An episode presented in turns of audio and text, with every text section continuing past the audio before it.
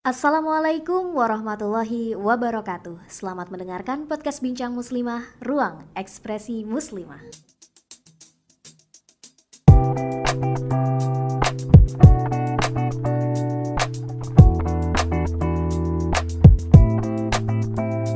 Assalamualaikum warahmatullahi wabarakatuh. Halo sahabat Bincang Muslimah, kembali lagi di segmen Yukes ya bareng aku Sarah Masolihati dan tentunya bintang tamu yang kece banget which is adalah Kak Mastia selalu.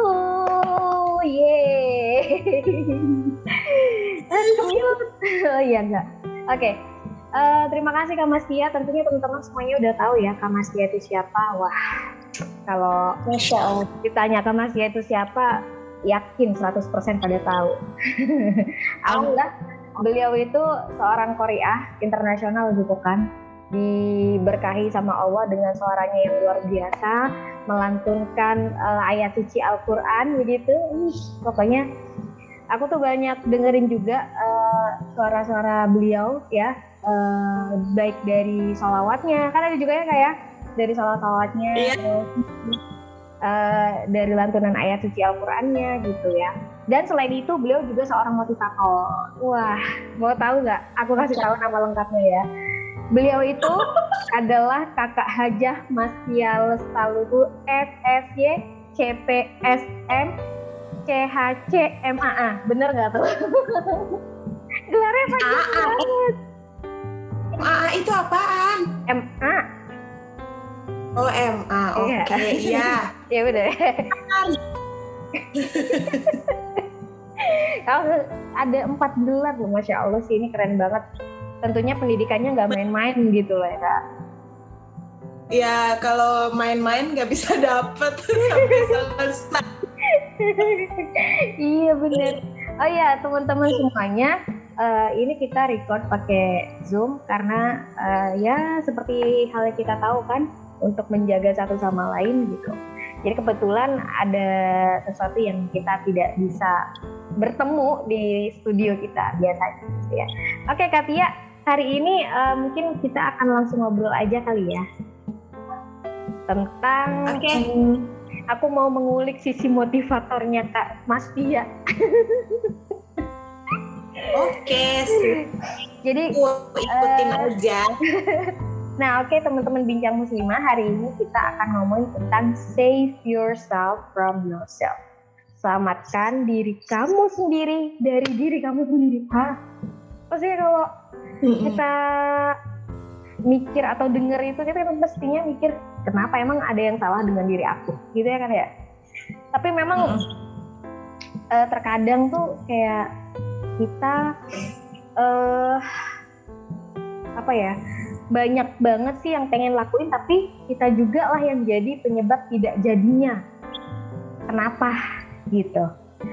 Nah sebelum kita ke sana mungkin aku pengen uh, Kak Mas Tia ini describe dulu deh, describe menceritakan dirinya. Kakak, Kak Tia ini sebenarnya orangnya kayak gimana sih? Orangnya kayak apa gitu loh.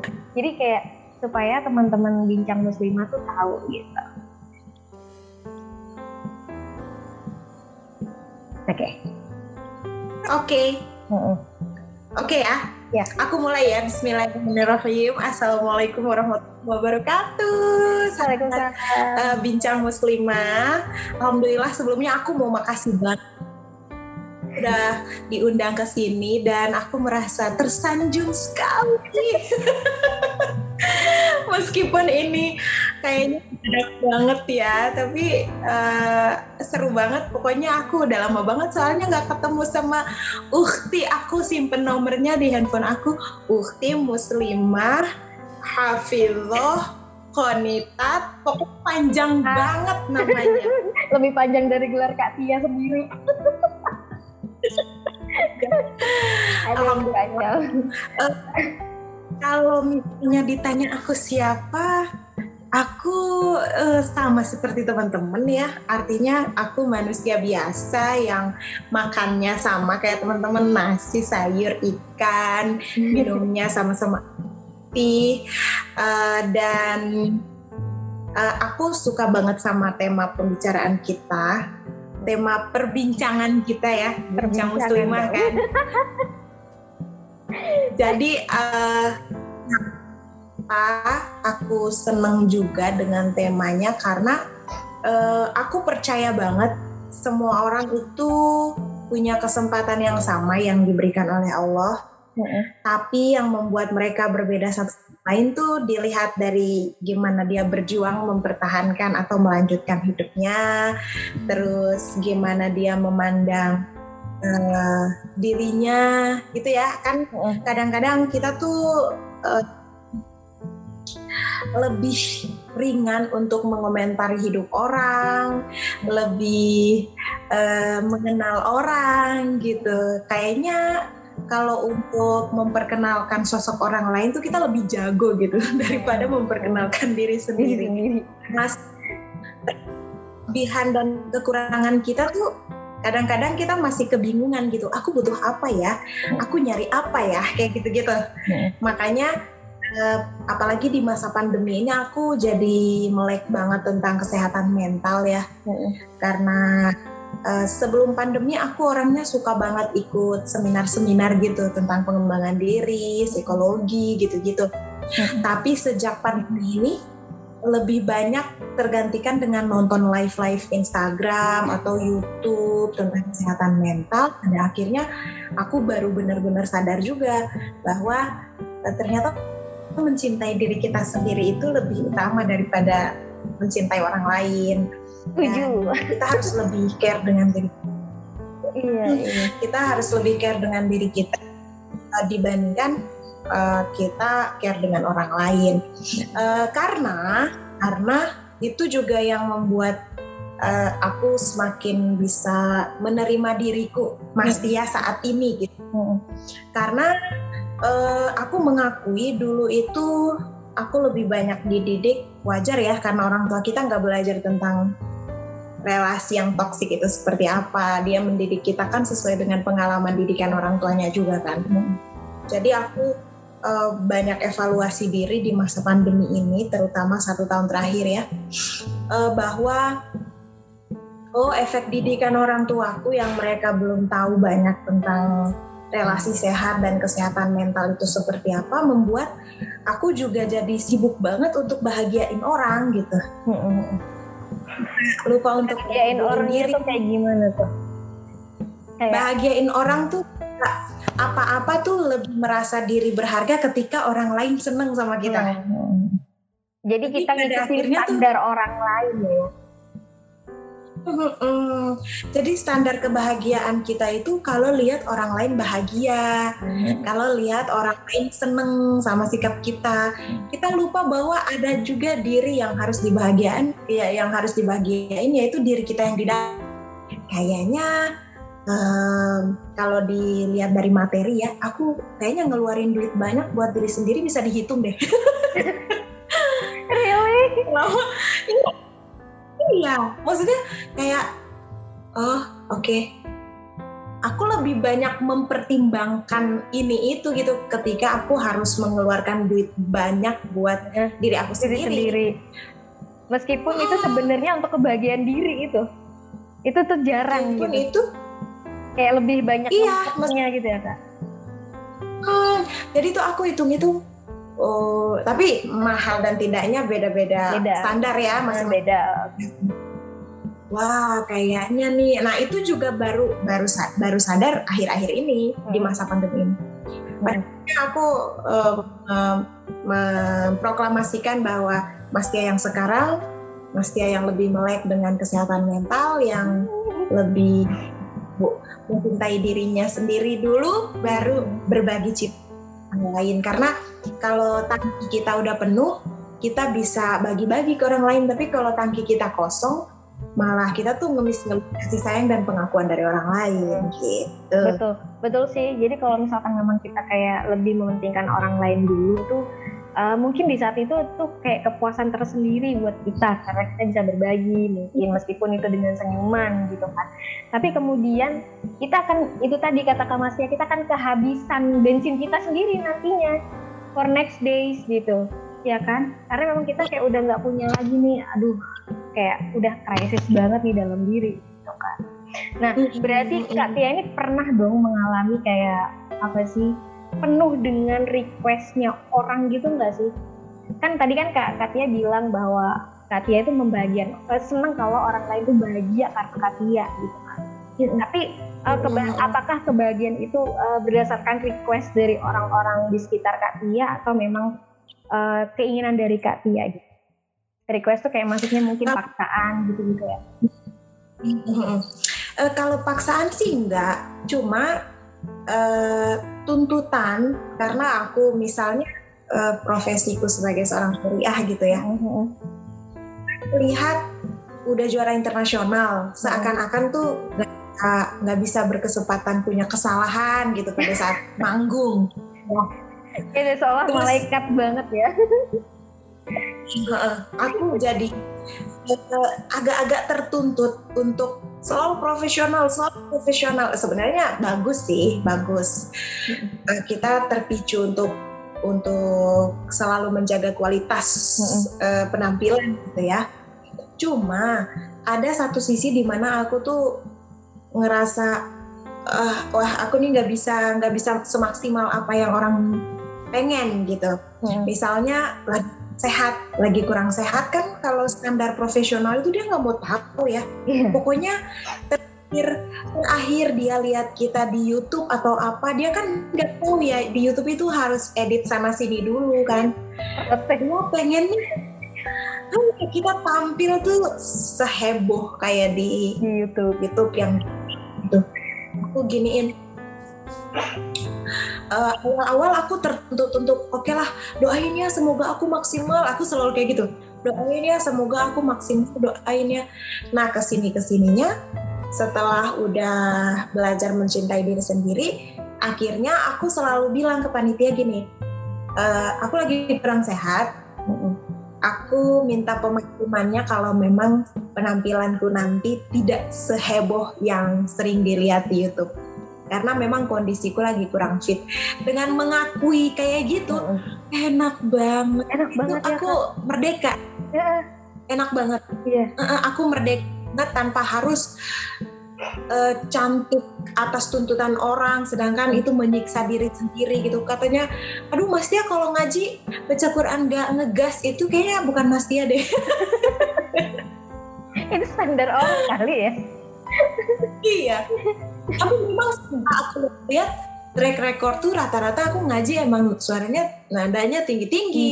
Iya. Jadi aku nggak pakai nada tinggi tuh jadinya kayak bukan Mas Tia gitu. Aku iya. ngejar-ngejar standar yang oleh orang pada akhirnya capek sendiri dan sekarang alhamdulillah sih kalau aku kurang sehat atau aku nggak bisa aku belajar untuk mengatakan aku nggak bisa terus kalau aku nggak suka mengatakan aku nggak suka jadi lebih kepada uh, membuat uh, batasan personal yang sehat aku oh. jadi lebih merdeka iya. sebagai iya sebenarnya sekarang sesimpel itu gitu ya kak ya cuma kan kadang kayak kita gimana sih kita ngebreak itu semua ngancurin supaya kita tuh berani ngomong ke orang karena kan kayak kadang kebanyakan orang aduh nggak berani deh nggak enakan deh gitu kan kayak jadi seolah-olah kita tuh termanipulasi dengan rasa rasa-rasa yang ya udahlah yang penting uh, tampil gitu. Terus tapi ternyata kita sendiri tuh nggak nggak nyaman gitu kan ya?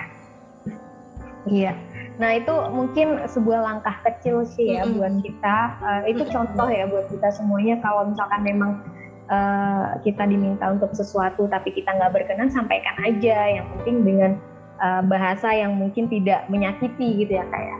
itu kan kayak komunikasi yang simpel banget sih sebenarnya wah keren Nah, Katia kan tadi udah ngasih cerita nih dikit gitu kan. Gimana sih kalau misalkan kakak, eh, kakak kan juga seorang profesi yang seorang apa seorang perempuan yang punya profesi uh, lebih banyak di depan pang uh, di atas panggung gitu depan orang banyak gitu kan nah kalau misalkan memang suatu saat Katia dihadapkan dengan suatu pilihan yang uh, itu sangat menuntut kakak tapi kakak misalkan sebenarnya dalam hati itu berseberangan gitu tapi nggak ada pilihan hmm. lain. You don't have another choice gitu kan? Itu kayak kakak lebih ke yang let it flow aja gitu biarin aja atau kakak berpikir bahwa um, aku harus keluarin nih unek-unek aku gitu uh, kayaknya butuh kasus yang lebih real deh, lebih konkret. Lebih konkret ya, oke. Okay. Jadi kayak ya kayak misalkan tadi kakak tuh sakit gitu kan, kakak eh, apa namanya udah sampaikan itu gitu kan. Mungkin itu untuk sebuah acara yang biasa gitu. Tapi ketika kakak misalkan eh, lomba gitu, lomba nih, mm-hmm.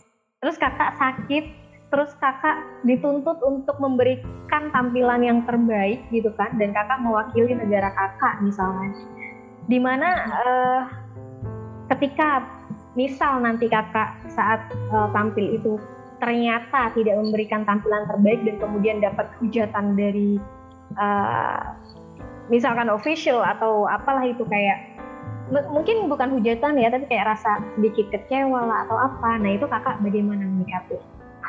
Oke, okay. kalau kayak gini kan enak ya jelas dan aku pernah punya pengalaman begini. Oh, iya. uh, aku aku termasuk peserta MTQ yang jarang banget salah kalau tampil. Ah, itu tapi pada tapi pada saat 2016 terakhir aku sebagai peserta itu aku tampil tuh salah dan itu orang-orang tuh kaget gitu orang-orang kaget kok bisa sih Mas Tia salah gitu itu tingkat apa tuh tingkat itu nasional nasional nasional di di, di Mataram Mataram iya iya benar benar benar benar, benar. oke okay.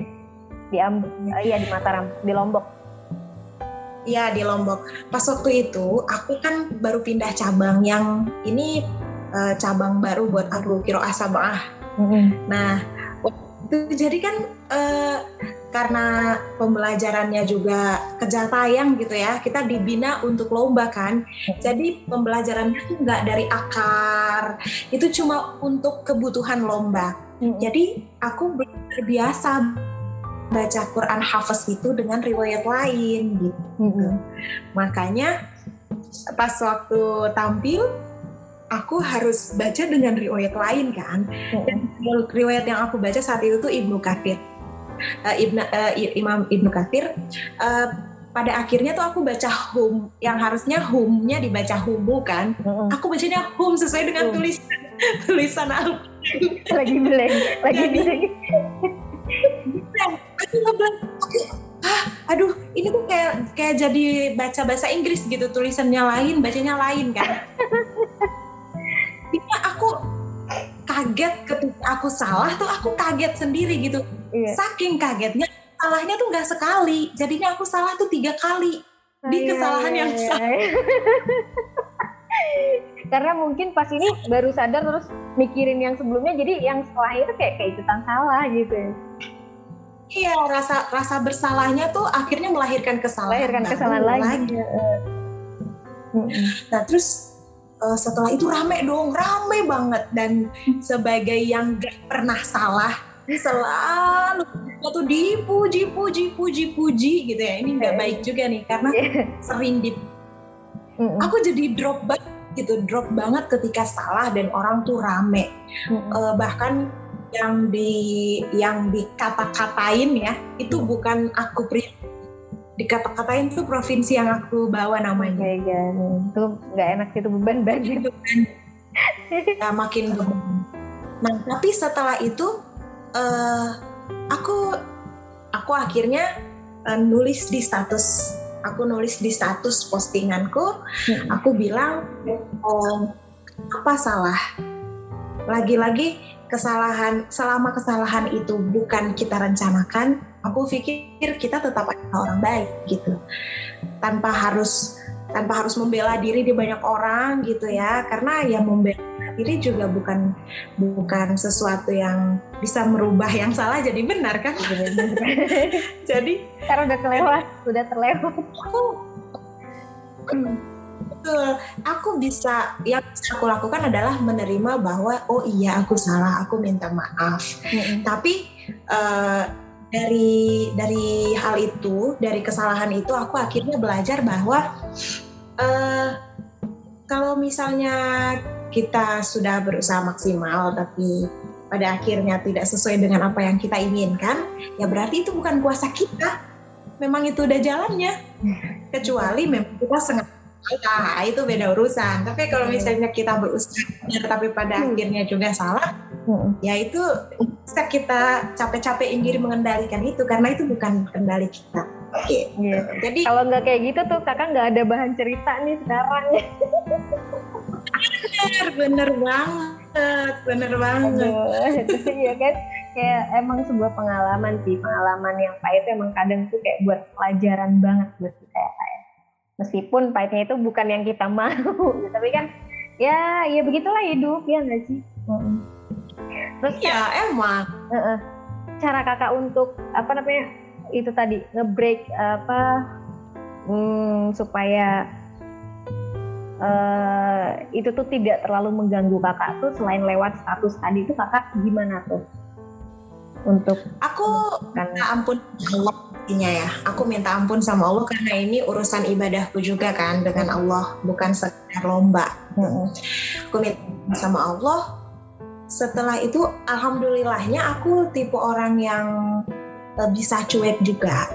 Jadi selama selama itu yang tadi aku bilang, selama itu bukan kendali aku ya udah aku biarin aja. Dan alhamdulillahnya tuh memang terkadang bodoh amat itu sesuatu yang penting untuk bisa healing.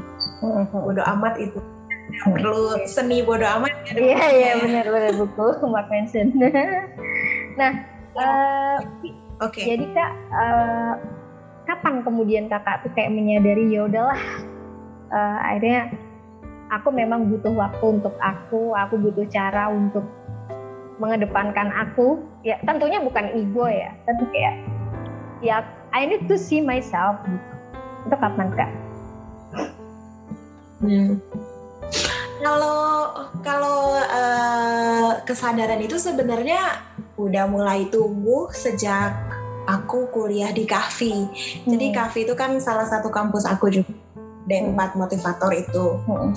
Nah, di situ kan kita belajar hipnosis ya, tapi hmm. untuk kebutuhan terapi, ya, hmm. untuk kebutuhan pengobatan. Hmm. Nah, sejak mengenal ilmu hipnoterapi itu aku udah mulai belajar healing sendiri. Jadi bodoh amat yang aku lakukan kan itu bagian dari healingnya. Hmm. Alhamdulillah itu aku kenal Kafi dari 2013 Cuma kan belajar hipnotisnya itu dari 2017-an. Okay. Hipnosis itu belajarnya dari uh, cuma kan cikal bakal belajar hipnosis itu kan gak langsung tiba-tiba plek ilmu hipnosis. Kita belajar dari psikologi dulu. Semester 1 itu 2013 tuh belajar psikologi dulu. Jadi aku udah mulai um, mau memasukkan data positif sebagai afirmasi buat diri aku sejak 2013. Jadi uh, nama juga merubah mindset itu kan bukan sesuatu yang mudah. Jadi kadang-kadang aku bener nih polanya nih sesuai apa yang udah aku pelajari. Eh tapi tahu-taunya sesekali juga uh, lost lagi ikutin yeah. pola lama yang masih toksik. Ya, akui itu. Dan nama juga pertumbuhan ya kadang-kadang tumbang, kadang seger gitu yang apa? Nah, uh, aku berusaha untuk mau menerima itu bagian dari proses tumbuh. Jadi jalan aja terus. Kayak rajin gitu. menyirami aja gitu ya, Kak. Rajin menyiram, rajin mukuk gitu ya. Iya kan, rajin mengingatkan diri. Iya betul, iya, bener. Kan di situ Betul. Oke. Okay.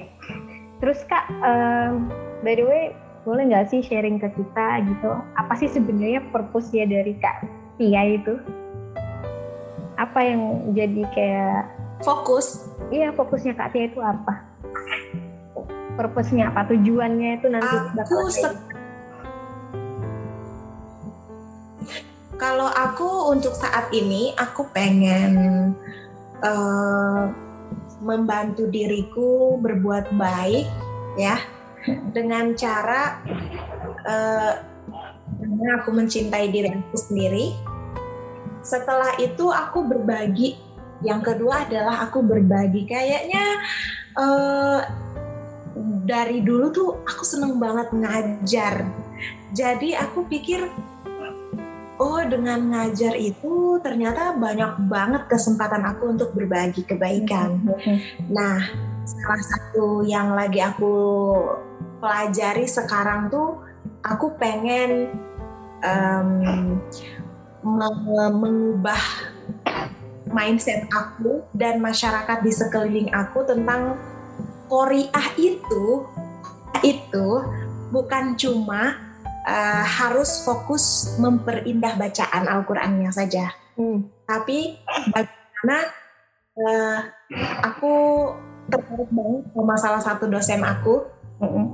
Dia bilang gini, uh, semoga kamu bukan cuma bisa bikin orang terkesima dengan bacaan Al-Qur'anmu, tapi kamu juga bisa membuat orang terkesima dengan penjelasan kamu tentang Al-Qur'an hmm. dan sebaik-baik ya kamu bukan cuma ngucap, bukan cuma ceramah, tapi kamu melakukan itu. Jadi aku lagi belajar untuk ya, kalau teman-teman lihat Instagram aku tuh aku belajar menyelip-nyelipkan ayat Al-Quran di setiap postingan aku yang rubrik kontemplasi kayak gitu. Jadi aku pengen ayat Al-Quran itu relate loh sama kehidupan kita, cuma kitanya aja nggak nggak sering-sering ngutip gitu.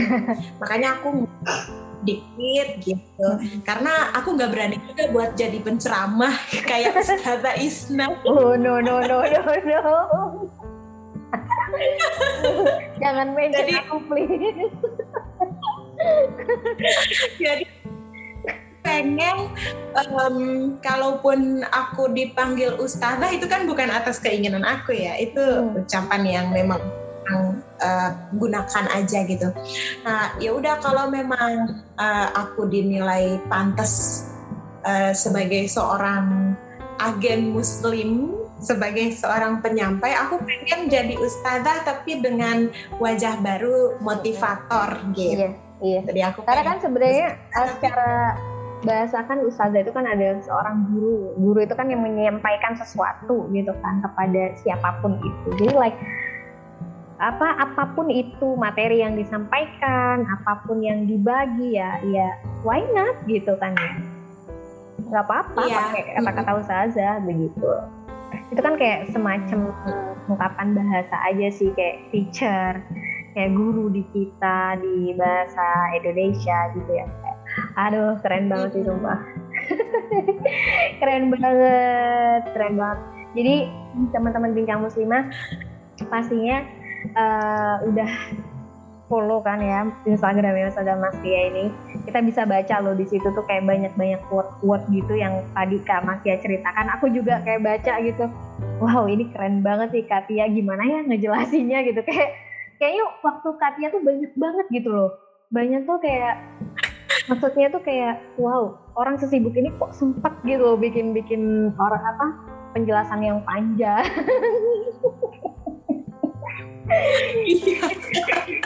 itu kayak aku tersanjung gitu loh bacanya aja kayak wah keren banget.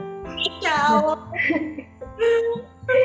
jadi jangan lupa ya follow IG-nya kak Mas Tia yang buat yang belum follow ya tapi kayaknya sudah pada follow semua nih. Terus ada YouTube channelnya juga. aku juga Masya Allah, aku juga ngikutin Instagramnya bincang muslimah.com. Jadi jangan lupa juga bincang muslimah. Iya, pakai DOT COM ya, pakai DOT COM. Nah, jangan lupa juga follow ya, eh, sorry, jangan lupa juga subscribe YouTube channelnya Kak Mas Tia. Namanya Mas Tia Lestaluhu official ya kak ya kalau nggak salah ya. Ya kan? Aku betul dong. Benar. Eh, iya. Terima kasih. aku aku makasih banyak Katia di episode ini udah bisa berbagi tentang gimana sih kita menyelamatkan diri kita dari uh, apa yang tidak kita inginkan. Ya Kak. Wah, mudah-mudahan bermanfaat. Nanti kita sambung lagi ke obrolan setelahnya. Makasih Katia. Assalamualaikum. Oh. Waalaikumsalam, Ustazah Isna.